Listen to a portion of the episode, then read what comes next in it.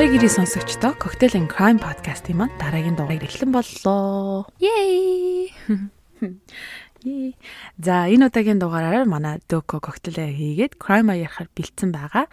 Тэгээ мэдээж дугаар эхлэхээс өмнө а уламжлалсараа сануулга хэлье. Манай подкаст нь болсон гэмт хэргийн тухай детальчилж ярьдаг учраас зүрх судасны өвчтөе жирэмсэн эхчүүдийг битгий сонсоорой гэж зөвлөдөг байгаа шүү. Тэгээ ер нь бол хүмүүс өөртөө сонсох юм бол араа өөртөө даадаг байгаа. За тэгээд коктейлнээс эхлэе да. За тэгээ. Аа уламжлалт ёсоор гэдэг шиг. Аа өнөөдөр бас маш амархан коктейл хийлээ. Коктейлний нэр нь бол бас яг л орцынхоо нэрээр нэрлэлсэн. Bailey's Coffee гэдэг нэртэй. Валентины баярын дугаараар манай дулмаа бейлээс ашиглаж коктейл хийгээд тэгээ тэрийг харчаа хорхоо хүрээд гэхгүй юу. Тэгээ бейлээс уумаар санагдаад бейлээс авч тавьсан байгаа. Тэгээд бейлээстэй ямар коктейлнүүд байна гэсэн чи ерөөхдөө дулмаагийн маань хийсэн коктейл мөн одоо кофетой бас айгуу гоё зохицдог гэж байна лээ. Тэгэхээр нь кофетой хийж үзлээ. Ердөө амархан одоо хар кофего чанаад жоохон хөрхөөр нь бейлисээ дээр нь хийгээл whipping cream гэж ярддаг те хутгаж хөөсрүүлэх зорилттой өтгөн зөөхий тэрийг дээрээс нь гоё чимгээлж тавиад нунтгалсан синамоноор гоё юу гэдүүлээ чимгээлж болно. Ер нь бол чимгэх бол угаасаа таны дурын асуудал те юу яаж л бол яаж чимгээлж болно штэ. Тэгээ ер нь бол аа нэг юм easy амархан маш амттай өглөөний цайндаа уухад ч гэсэн болохоор юм коктейл байна. Өглөөний цайж гэждээ нөгөө нэг гоё бранчаар уухад амар гоё тохиромжтой коктейл юм шиг санагдлаа. Аа.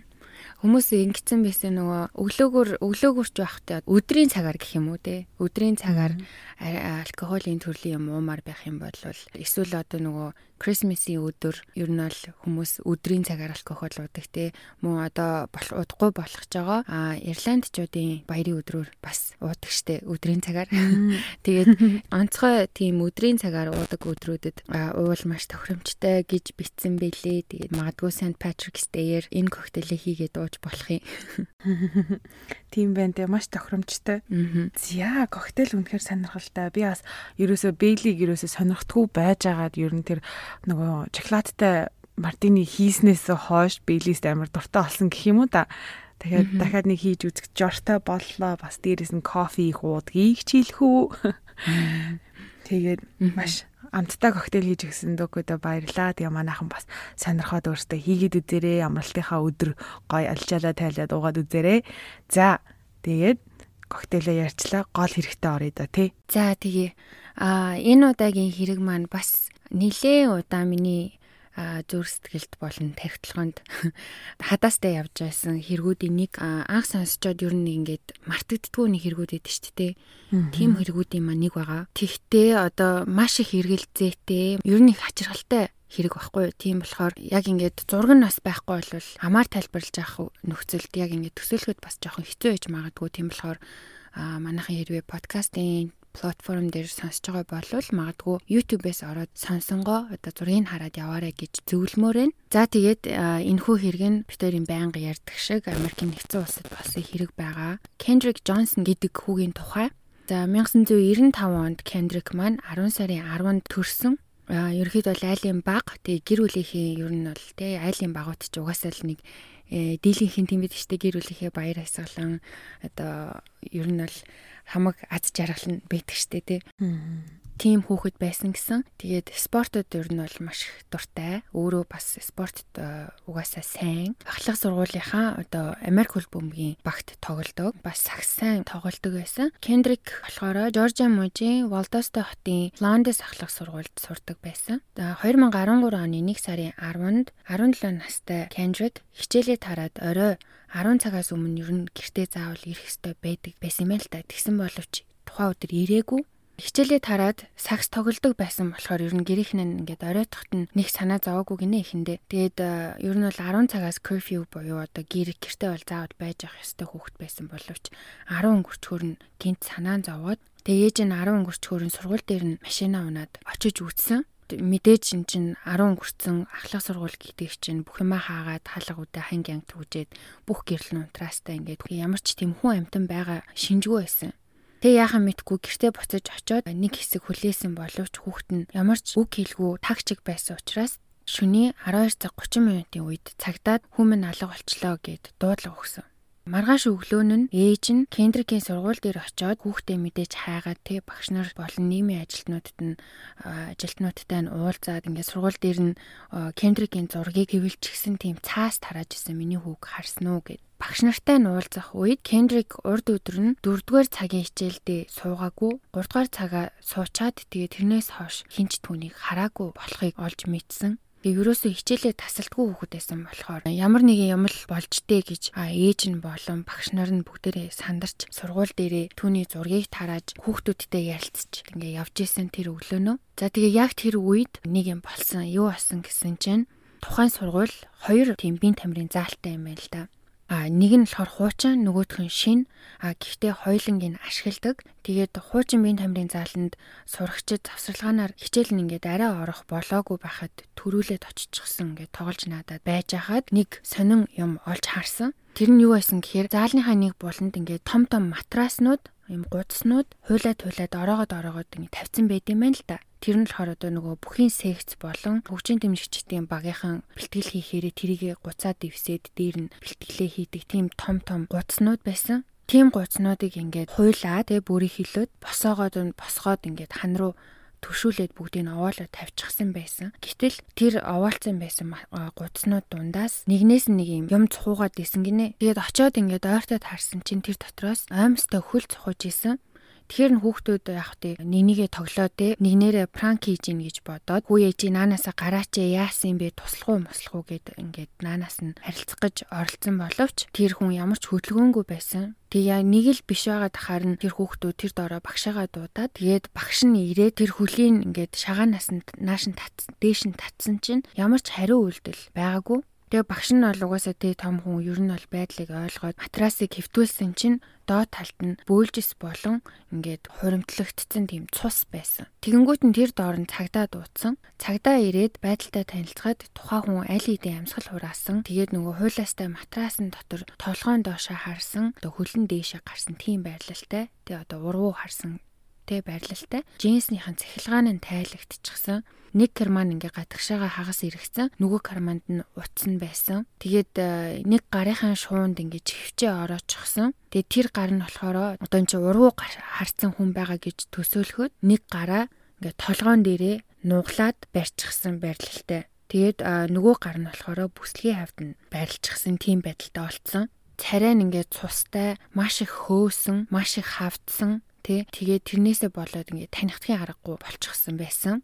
За тэгээ цагдаа нар тэр дорн сургуулийн локдаун буюу одоо бүх сурагч багш нарыг сургуулаас гаргаж тухайн биеийн тамирын заалыг хамгаалтанд авсан.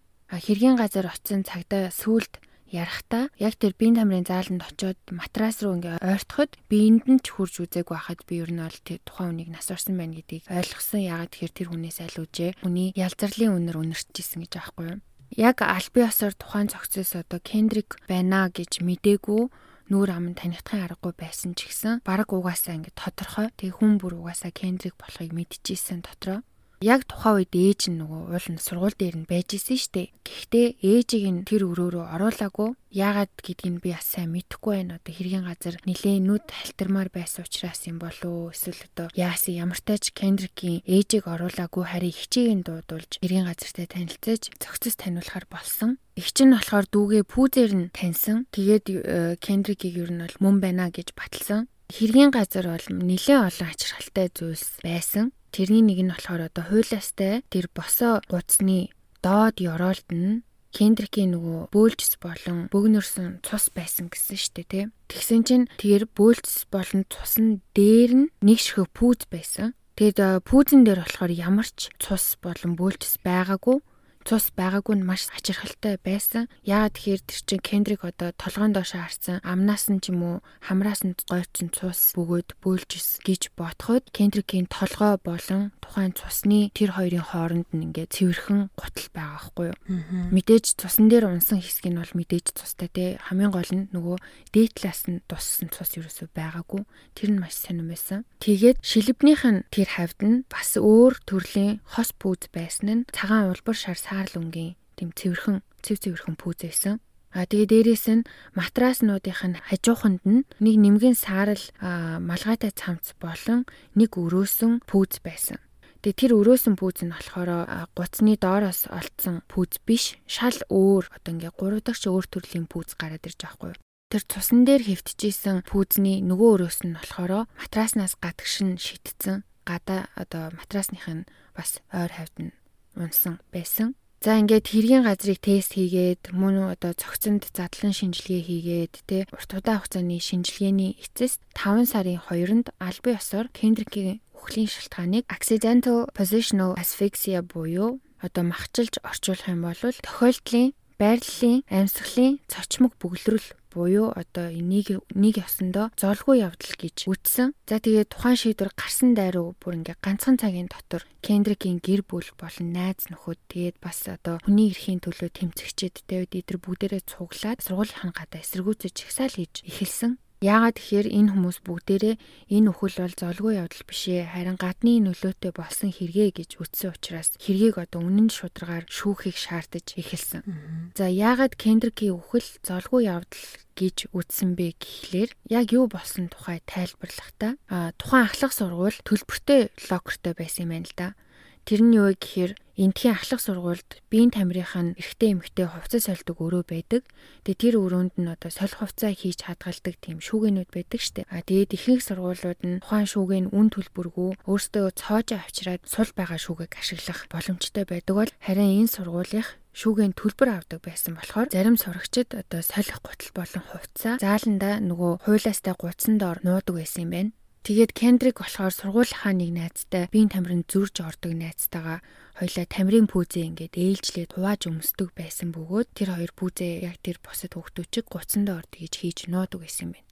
Тэгээд пүүзээ авах гэж одоо хуйлаастай тэр гуц руу дотор нь орж авчаад гарахыг оролцсон боловч тэр дотроо гацаад агааргүй болоод сүултээ амьсгал нь богдож нас барсан гэж үзсэн. Энийг одоо үнэн байх нөхцөлийг юу юу баталж байгаа вэ гэхээр нэгдүгээр матрасны ёроолд үнэхээр өөр пүүз байсан те тэр пүүз олцсон дээ. Тэр пүүзээ авах гад ингээд орсон гэж үзэх юм. А хоёрдугаар доошоо хараад гацснаас болж цус нь нүүрлүгээ юулэгдээд тэгээд нүүр нь хөөж хавцсан. Мөн толгойроо нь бүх цус юулэгдсэн учраас ам болон хамраар нь цус алдах нь хэвийн үзэгдэл болохоор шалан дээр тогтсон байсан цус болон одоо тэр бөөлжсөн тэгж тайлбарлагдаж байгаа. Гуравдугаар болохоор гадны нөлөө гих зүйл юусоо байгаагүй. Хуруунд дээр нэг шалбархай байсан. Тэр нь болохоор нилийн дооны өмнө болоод одоо буцаад идгэрж байгаа тийм шалбархай байсан. Тэрнээс өөр бол гадны нөлөө гэхээр юм байгаагүй. А ирүүн хөхөрсөн байсан гэж зарим нэг хүмүүс ярьдаг. А тэр нь яасан гэхээр толгойроо цус юулэгдэх үед нэг газар хураад тэгээд өнгөн хувирсан байсан гэж тайлбарлагдсан. За тэгээд өөр нэг ямар нэгэн хутга мис юм уу цохиж зодуулсан гэхээр тийм илэрхий шарах сорив бол байгаагүй. Хэдийгээр албан ёсны тайлбар гараад хэрэг хаагдсан боловч Кендрикийн гэр бүлийнх нь гадны нөлөөтэй гэж бүр ингээ бат итгэчихсэн байсан учраас чадах бүхнээ хийж исэн. Яагаад тухайн гэрүүл гадны нөлөөтэй гэж үтсэн бэ гэхээр нэгдүгээр тоо хэдийгээр хүүхдүүд гуцсан доор гутал хувцаа нуудаг байсан ч гэсэндэ хизээч тэгэж дээрээс нь дотгошоо орж юмаа авдаггүй байсан гинэ. Гуцаа жоохон цааш нь хазаалгаад тэгэл доороос нь юмаа авчин тий бас угаасаа хар хонор ботсон ч гэсэн яаж утсан тий заавал тэр дотор ороод авах ямар шаардлагагүй. Нэг бол өргөж болж энийг бол зүгээр ингээд тэр хүүхдүүдийн хэлж байгаа шиг жоохон хөдөлгөөл доороос нь авчдаг байсан гэж аахгүй юу. Тэгэхэд дээрээс нь ягаад өөрөө орсон бэ те хизээч орж байгаагүй уг нь тэгж орохчгүй гэж гэр ихнээ хэлж исэн. А хоёрдугаар болохоор гудсны эргэн тойронд олцсон тэр өрөөсөн пүүз болон малгайтай цамц тухайн пүүзэн дээр болохоор юм цус шиг адилхан юм улаан улаан туслууд байсан. А гэхдээ тэр хэргийн газар ажилласан цагдаа нар яг тэр доор нь ингээд дээж аваад ингээд үцхэд тэр цус биш байсан. Будагч бодис байсан юм шиг байгаа. Тэгэд ямар ч байсан цус биш байсныг энэ нотолсон цус биш байсан болохоор одоо хэрэг толботой эд мөрийн баримтаар авч яваагүй орхицсан билээ тэнд нь.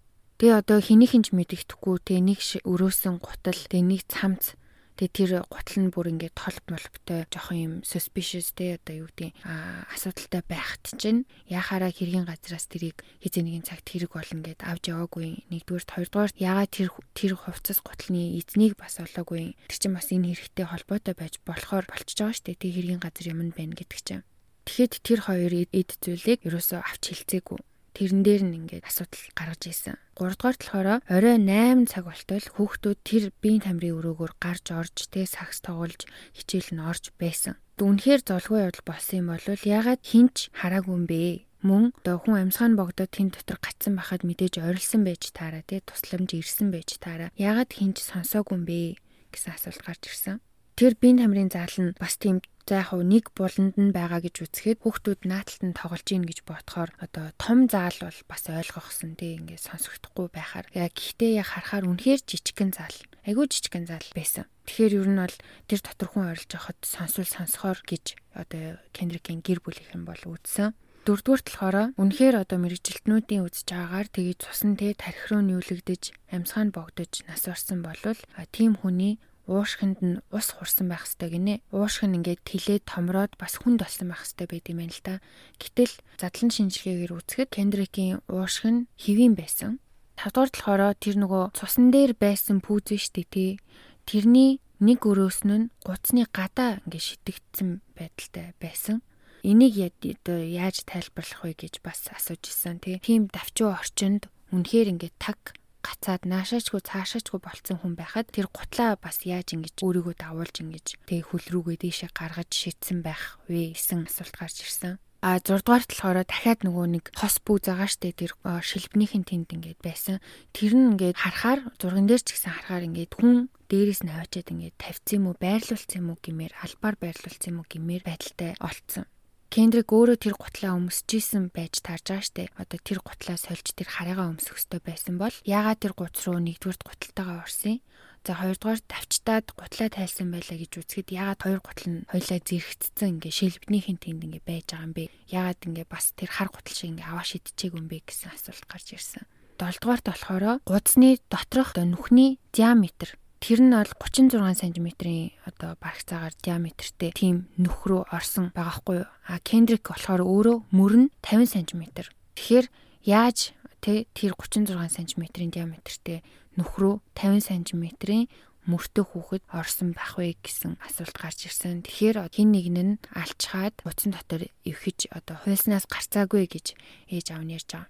За ингээд аав ээж хоёр нь тэмцээр байгаад хоёр дахь задлан шинжилгээ хийлгэх эрхээ авсан. Хоёр дахь задланг бол хувийн патологистоор хийлгсэн одоо өөртөө олоод гэсэн үг те одоо улсаас биш цогцыг одоо аль үжээ булаад удцсан байгаа шүү дээ. Тэгээ гаргаж ирээд хоёр дахь задлан шинжилгээг хийхэд одоо энэ хэргийг улам эргэлзээтэй болгосон хамгийн том хоёр үйл явдал болсон гэж хэлж болно.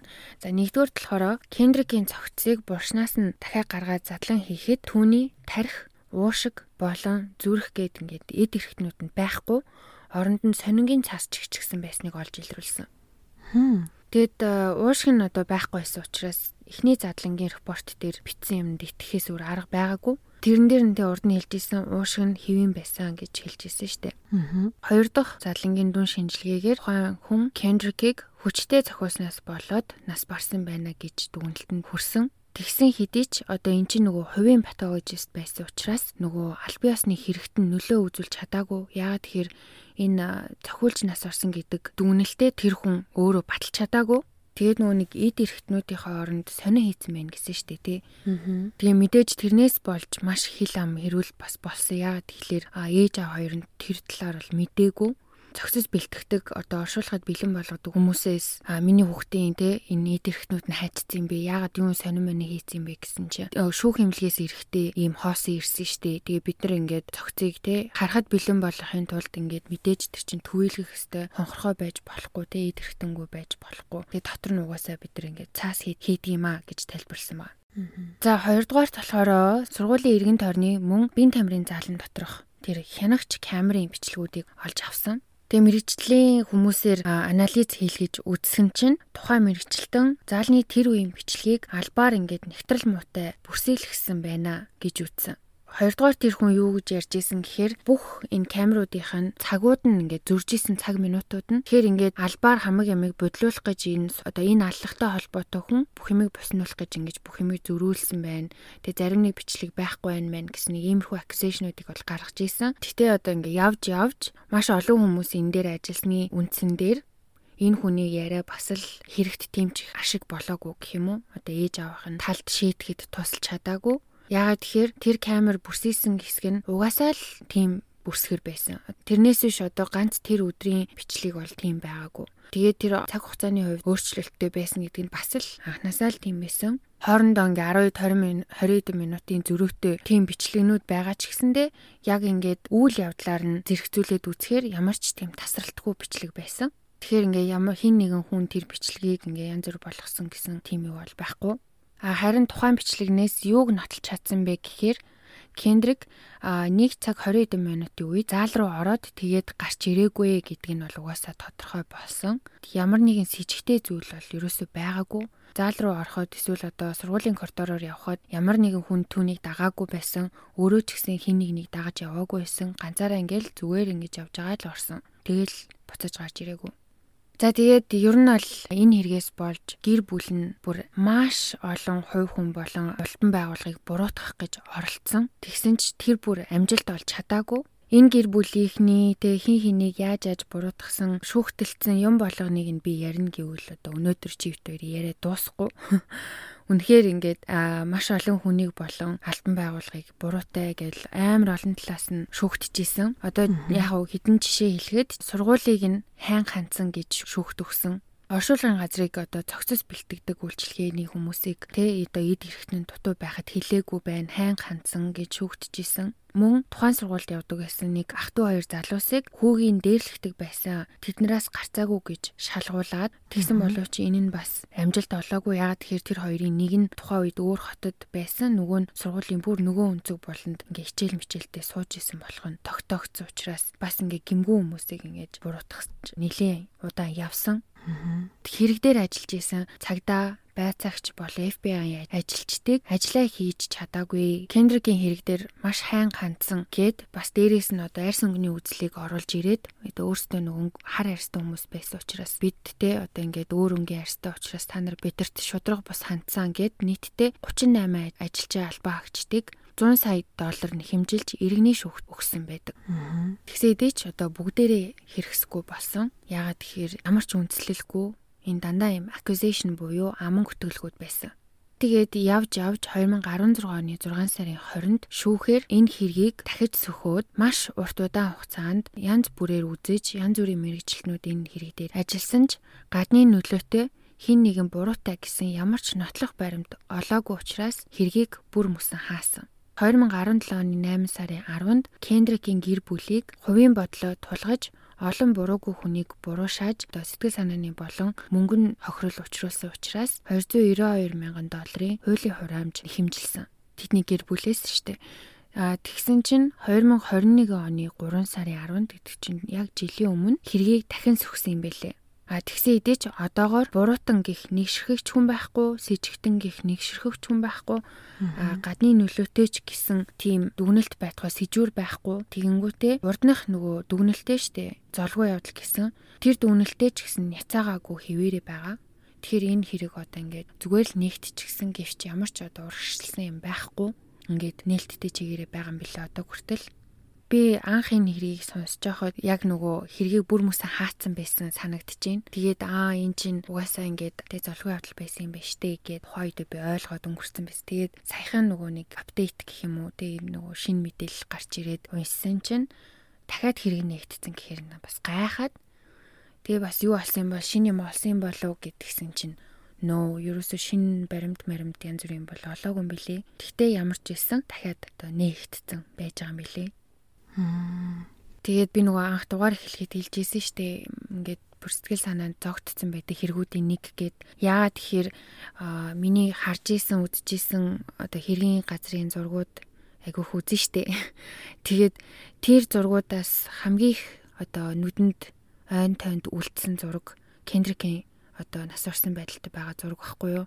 Манайхан ч гэсэн зургийг харахтаа бас болгоомжтой тэгээ сэтгэл зүгөө бэлтэж байгаад орж үзхийг зөвлөе. Ер нь нэлээд эвгүй нүүр нь ингээд бүр амар хавдаж мавдаа. Тэгээд эхний задлангаар орсны дараа эцэг их нь өөрсдөө нөгөө хүүхдийнхаа хэргийг олон хүмүүст хүргэх гээд хүүхдийнхаа нөгөө нэг нас орсон байгаа байдалтай зургийг олон нийтэд дэлгэцсэн байхгүй юу? Тэгэж дэлгэснээс болоод угаасаа маш олон хүмүүс энэ хэрэгт анхаарлаа хандуулж эхлээд одоо тэр хүний эрхийн төлөө тэмцдэг хүмүүс хүмүүс айгүй олноороо нэгдэж ирсэн. Тэгээ ер нь одоо энэ баг одоо хүртэл энэ хэрэг ингээд асуудалтай байгаад байгаагийн шалтгаан нь ч баг тэр бах тэр зургийг дэлгэсэнтэй холбоотой юм болов уу гэж боддتي. Айгүй амар зураг. Тэгээ нөгөө дөнгөж анхныхаа нөгөө задлангаас гараад ирсэн багт нь авсан зураг гинэ. Тэгэнгүүт нөгөө нэг задланд оруулахад чинь авлиасын онгойлгоод одоо юу байд юм бэ штэ. Нүүрний арсын ингээд урагшин татаж матчихад тархийг авд юм байна штэ. Тэгээд ингээд нүүрний арсын урагшин татцсан ингээд урчиж мөрчиж айгүй амар эвгүй зураг. Аа магадгүй тэр зурагнаас нь болоод мөн одоо ийм амар эргэлзээтэй хэрэг байсан болооч тэр миний айн танд үлдсэн юм шиг байгаа. Аа. Дахин сануулхад тэ зургийг хармаар харахыг одоо завдж байгаа хайх гэж байгаа хүмүүс байх юм бол болгоомжтой байгаарэ сэтгэл зүгээ бэлтэрэй гэж бас дахиад анхаарал илчээ. Би одоо энэ чи хардсан билүү яа дэмлээгээ сууж ийн. Заста өөрөө л мэд. Хм бүрстэй амар. Би бас энэ хэргийн тухай сонсчод амар толгоогоо нэг хэсэг амар гашлагж исэн. Гэтэ яг миний үз одоо үзсэн харсан бүх ихэнх одоо юу хэмдэ хөвлөл мэдээллүүд бол яг ээж аавынхын талд байсан. Аа. Энэ гэтээ үнэхээр амар бас толгоо эргүүлсэн хэрэг хэрэгүүдийн нэг яг ямар ч амар юм одоо юу хэмдэ а одоо хэргийн газрах газар дээрх баримтууд тий байгаа байсан байдлууд нэг харахаар бас амар юм freak accident юм шиг тий одоо ихэнх хүмүүс бас тэгж ярьдэн штэ. Энэ бол үнэхээр Kendrick Kendrick тохиолдсон. Энэ явдал бол юм ямар нэгэн гинт хэрэг биш ээ. Хүн амны хэрэг биш. Зүгээр юм freak accident тий одоо freak accident юм? Үнэхээр тийм нэг юм галзуу төсөөлөшгүй итгэмээргүй тийм золгүй явдал гэж одоо магцалж орчуулах юм уу да тий яг бүх юм нь яг ингээд бүрдээд бүрдээд ийм амар сонин одоо золгүй байдлаар амиа алдсан гэж юу нь бол зарим хүмүүс бол а одоо дүгнэж ярьдгийм байлээ онлайнаар тэг ингээд зар бас мөрдөн байцаагч нар цагдаа нар бас тэгээ тэр улсын тэр нөгөө задлан шинжээч хийсэн одоо дотор хэрэгт нь бас алга болцсон байсан байсан. Тиймэрхүү байдлыг ингээ хараад харахаар бас амар хачиргалтай байгаа байхгүй юу? Аа. Тэгээ задлан шинжилгээ хийчихэд ер нь Мэдгүй би өөр хэрэгүүд дээр ч гэсэн ерөөсөө сонсож байгаагүй юм байна. Одоо дотор эрхтнийг ингээд авчихсан. Аваад одоо устгасан, устгалд оруулсан гэх юм уу да тий. Аа. Тим юмыг бол би ерөөсөө сонсож байгаагүй юм байна. Тэгээд явж явж ягаад Kendrick Johnson-ы хэрэг дээр бас ингэж аа тий. Аа. Одоо ингээд эргэлзүүлсэн яг чиний ингээд ярьж байхад нэр нэгдүгээрт хоёрдугаарт гуравдугаарт гэл амар эргэлзүүлсэн амар олон тийм хачирхалтай фактууд нь штэ. Тэрийг бодоход нэр үнэхээр бүр яагаад гэж өдөр бүр толгой эргээд гачлаа сууж илаа. Мэдхгүй. Чи өөрөө яг юу гэж бодож ийн гэсэн. За би бол яг үнэндээ бараг л энэ золгүй явдал байсан болов уу гэдэгтээ санал нэгдээд байгаа. Яг уу зөндөл одоо жишээ нь тэр гуцны диаметр гэл яриад байгаа л та тий. За мэдгүй миний бодлоор бол хичнээн одоо нөгөө тий 10 см-ийн илүү өргөн мөртөө байсан ч гэсэн хүн бас бие хумхаар бас ямар жижиг болж болдог үлээ. Тэгээд нэг гар нь ингээд дээшээ тий ингээд бас ямруу ингээд тэмүүсэн байдалтай гэхээр мэдээж нэг гараа ингээ урагшин те бас яг нөгөө нэг юм авах гад орсон гэдэгтээ нийцээд байгаа ч юм шиг. Тэгээд нэг гар нь ингээ орчхоор бас мөр бас нэг ингээ жоохон жижигэрнээ дээ. Тэгээ багтаж болохоор ч юм шиг надад бол санагдаад байгаа. Яг уу аав нь болохоор яг энэ дээр demonstration хийж үтсэн байлээ л дээ. Яг тийм нөхрөө өөрөө орох гэж үтсэн байлээ тэгснэ өөрөө болохоор би яг хүүтэйгээ адилхан хэмжээтэй гэж ярьж байгаа боловч яаж ч ботсон тэр чинь Тэ насны хувьд ч тэр эрэгтэй хүн чинь жоохон хөшөөд нэг жоохон зузаар нь тэ харваас угаасаа аав нь ингээд хамаагүй Кендрикийг бол хамаагүй зузаан ах байгаа хгүй юу. Тим хүн тэр нөхрөө орох гэж үтсэн чинь миний ингээ хүзүүнээс цааш ороогүй гэж хэлж одоо үзүүлж исэн.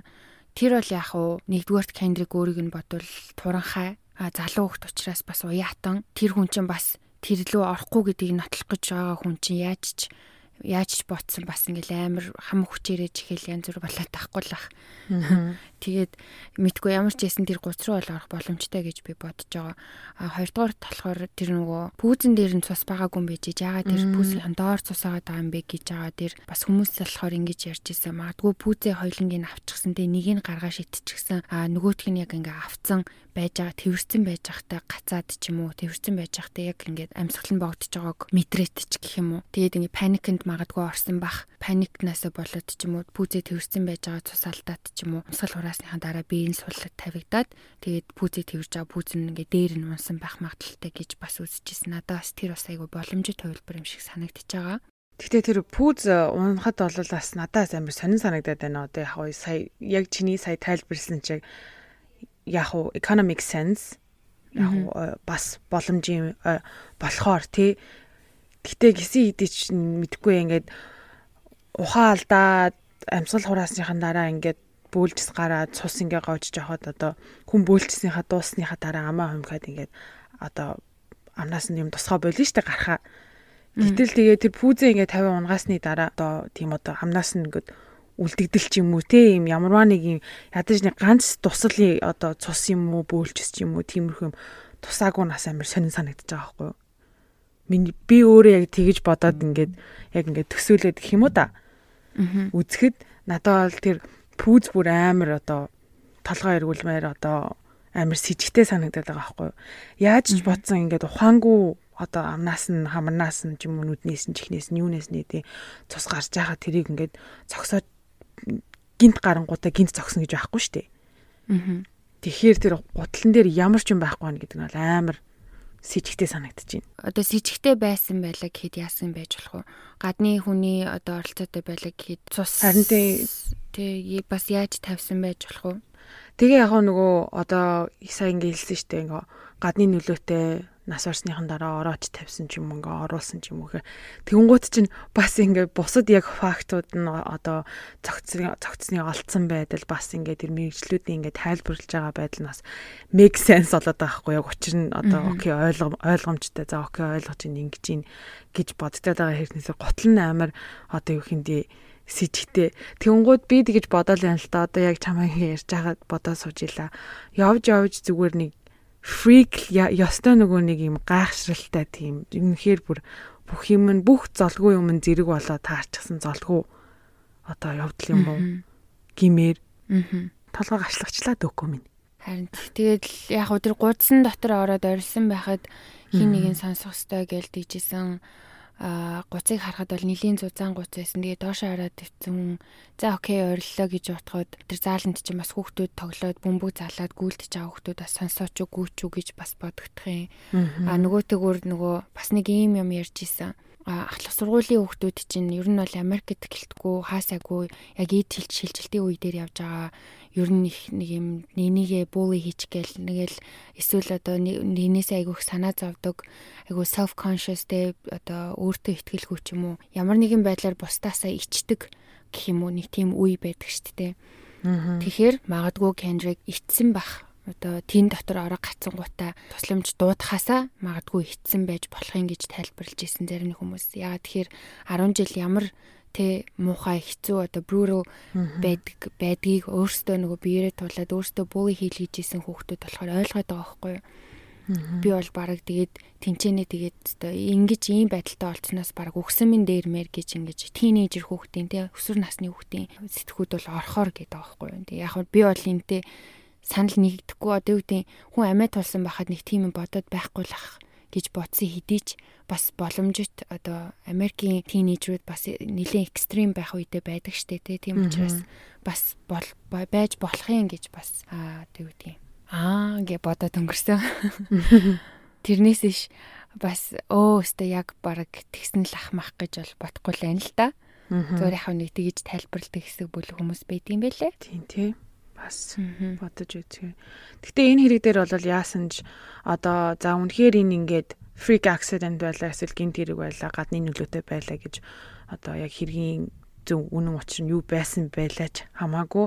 Ер нь бол ингээд тий одоо арьс өнгөний үзэл бол амар харагдаж гин гэж би бол ховдоо бодож гин амар хурдан гялс юмыг ингээд шийтцэн дээ бараг. 7 хонс юм уу яасан? Бүх юмыг нь бас дээрээс нь тэр одоо хажууд нь байсан гутал цамц мамц тэрийг юусоо одоо хэргийн газраас те нотлох баримт байж магадгүй гэж юусоо авч шинжээгүй. Тэр хүүхд одоо хүний цамц байсан гэсэн те. Тэр мэрийг нь хүртэл одоо шалгаагүй ч юм уу. Тиймэрхүү байдлаараа ер нь бол тэг ядж хаа Жоржа гэдэг чинь Жоржа мууч чинь Америкийн ер нь бол урд хэсэгт байдаг мууж ер нь Америкийн урагшаага бол одоо ер нь бол тэр чигээрээ байдаг хэдий ч Америкийн уртлын одоо урд хэсгийн мужууд бол арьс өнгөний тэ одоо ялгардаг ялгар арьс өнгөөр ялгарладаг энэ одоо үзэл бол маш өргөн байдаг их байдаг гэх юм уу да. Аа. Тийм учраас бас энэ Кенжик гэдэг хар арьстай хүүхэд нас урчлаг за бушуухан шиг одоо нөгөө нэг бушуухан шиг хэргийн шийдий ч юм уу те нэг тиймэрхүү байдлаар одоо хандсан байж магадгүй арьснаа арьсных нь арьсных нь өнгнөөс болоод магадгүй ч байхад тиймэр тиймэрхүү юм болол ер нь бол харагдаж гэж би бол хувьдаа бас бодоо сууж илаа. Иймэрхүү үнэхээр харамсалтай. Тэгээ ер нь эцсийн эцс тэгээд харч бай, цагаанч бай тийм залуу сайхан одоо бас спортоор ирээдүйдээ амжилт гарах байсан ч юм уу тийм хүүхэд амиа алдсан гэхээр үнэхээр харамсалтай санагдаж байна. Бас ээж аав хоёр нь ингээ хичнээн ингээд бүр зарим одоо хүн болгоныг ингэж одоо гүтгээд байгаа нь одоо утгагүй юм шиг харагдаж байгаа ч гэсэндээ яс бас энэ чинь тэг үр хөвгтө алдсан хүн ямар л зөв бүх юмыг бас зөв одоо шийдэл гаргана гэж бас байхгүй шүү дээ. Ухаан санаад баалартчихсан сэтгэл зүйн амар тийм докторгүй байгаа болохоро тий одоо баг хүн болгоныг одоо ингэж гүтгэж жичилж шүүхэд дутсан биз дээ. Тэгээ өөрсдөө сүулдэ бүр ингээд хэрэгт ороод мөнгө төлөх боллоо тий. Аа Тэгээ мэдээж эрүүл саруул тийм атлетик хөөрхөн яг эд үе дээр явж байгаа хүүхдээ алдсан эцэг их бол яаж ч утсан бас тэгэл хин нэг нэг буруутгах гэж тэг инстинкт дээр бол үзгэл ах л та. Аа. Тийм. Гэхдээ яг энэ хоёр зүгээр хараад хаад арай хитрхи экстрим явцсан болов жоо хэтрүүлсэн болов гэж харсан. Гэтэ бас нөгөөтэйгөр бодохоор хүний эцэг их хүн тэгэл өстө хөлөө хүрэх газар явна гэдэг чинь лин хатаал гэж бодол сууж байна. Гэтэ нөгөө нэг задлан шинжлэгийн шинжилгээнийх нь ингээд зургийг бас ингэж барьж тэ явна гэдэг нь надад эвгүй санагдлаа бас өөрсөнд нь ч гэсэндээ амар хэцүү байгаагүй юм бах та. Тэгэл одоо аргагүй ихэнд бусдын анхаарлыг татах гэж л тэр амар зургийг дэлгэсэн баг. Тэгээ тэр нь ч угаасаа ажилласан одоо тэр тактикэн ч гэсэн өөрсөнд нь маш хэрэгтэйгээр нөлөөлж чадсан. Маш олон талаас нь хүмүүс харж өгсөн, маш олон хүний анхаарлыг татсан governor нь хүртэлтэй одоо одоо юу гэдэг засаг дарга марга нь хүртэл энэ хэрийг чухалчилж авч үзчихсэн. Тэгээ гисэн идэж одоо үнэхээр аль аль талд нь ингээд 100% нотолцохоор юм гарч ирэхгүй байна. Тэгээд мэдгүй ер нь ингээл ингэсгээд л дахиад буцаал хагдах байхтаа л гэж бодож байна гэхдээ. Бас яаж ч эргээ блээ.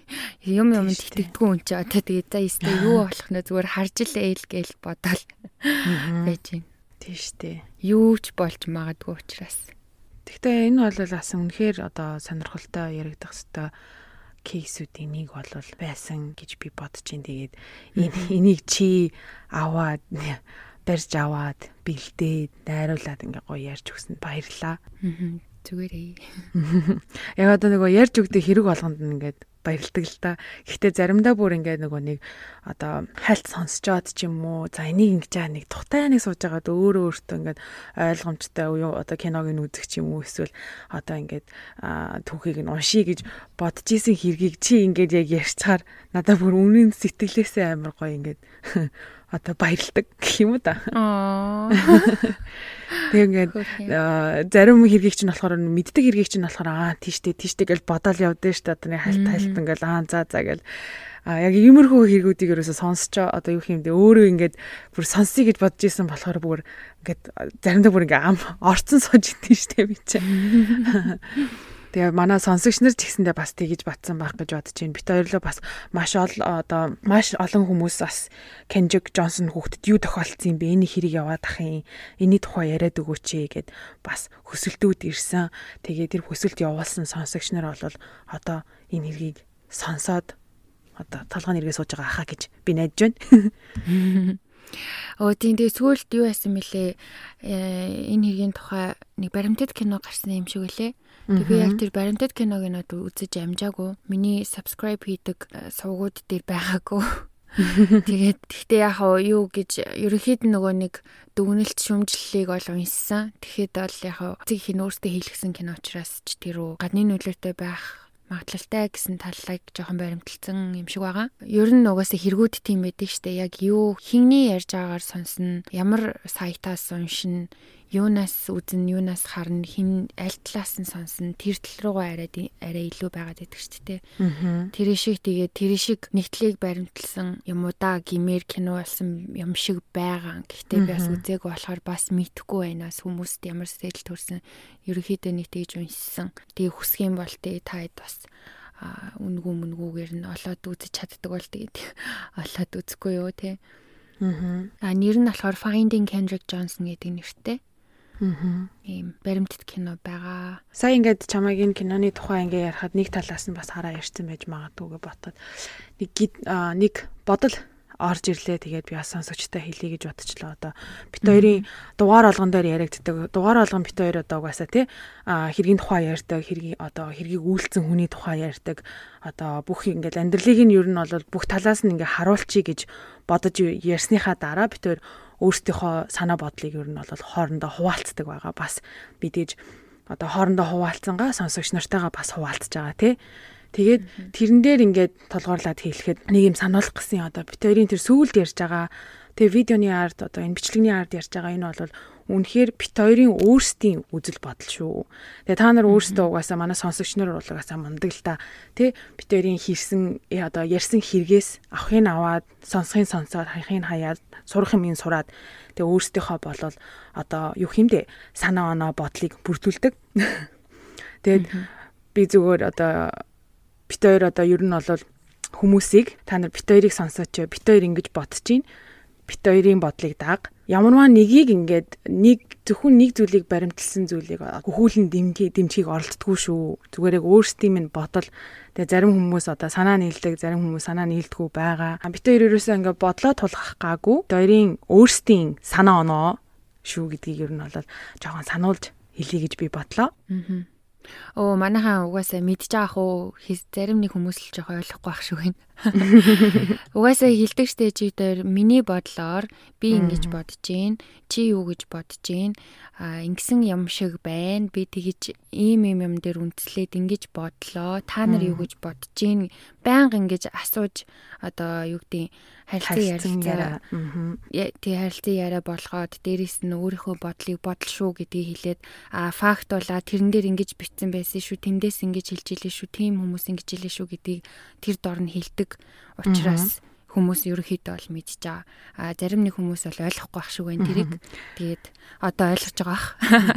Тэгж найдын харин сануулах гэсэн гэдэг. Аа дээрэс нь подкаст гэдэг чинь ямар очир утгатай зүйл үлээ. Дэн чин чивтээр хост хийж байгаа хүмүүсийн бас хувийн орон зай бол бидний үзэл шингэсэн юм хийж байгаа штэ мэдээж эн чинь. Тэгэхээр одоо бидний үзэл бодлыг мэдээ сонсох дуртай эсвэл бидний хийж байгаа зүйлийг сонсох дуртай хүмүүс л сонсож байгаа гэж ойлгож байгаа. Тий нэгдүгээрт энэ бол зүгээр битэрийн үзэл бодол сэтгэгдэл одоо төрсэн сэтгэгдэл таамаглаж байгаа таамгууд байдаг байдгаас биш. Бит хоёр хизээж бит хоёрын 100% зөв. Бид хоёрт л итэг энтер гэж хизээч хэлж байгаагүй, хизээч хэлэхчгүй. Тэгээд хэрвээ тэгж мэгж санагдаад байдаг бол тэгээд please бити сонсоо айгу сүлдө бүр нэрээ жоохон ядрах гад байна. Нэг юм хөө шалтар болтер юмнаас болоод гэхгүй. Тэгэл угаасаа ойлгомжтой шүү дээ. Хүн болгон цовин дуртай биш. А за ижи хүн болгон цовин дуртай гэж магадгүй. Гэхдээ хүн болгон цовинда байцаа хийдэггүй штэ. Тэрэн шиг би бол байцаатай цовин дуртай. Та байцаатай цовин дургу гэд бит хоёр найзууд байхгүй байх шаардлага байхгүй штэ. Гэл хэлчихье гэсэн базаад.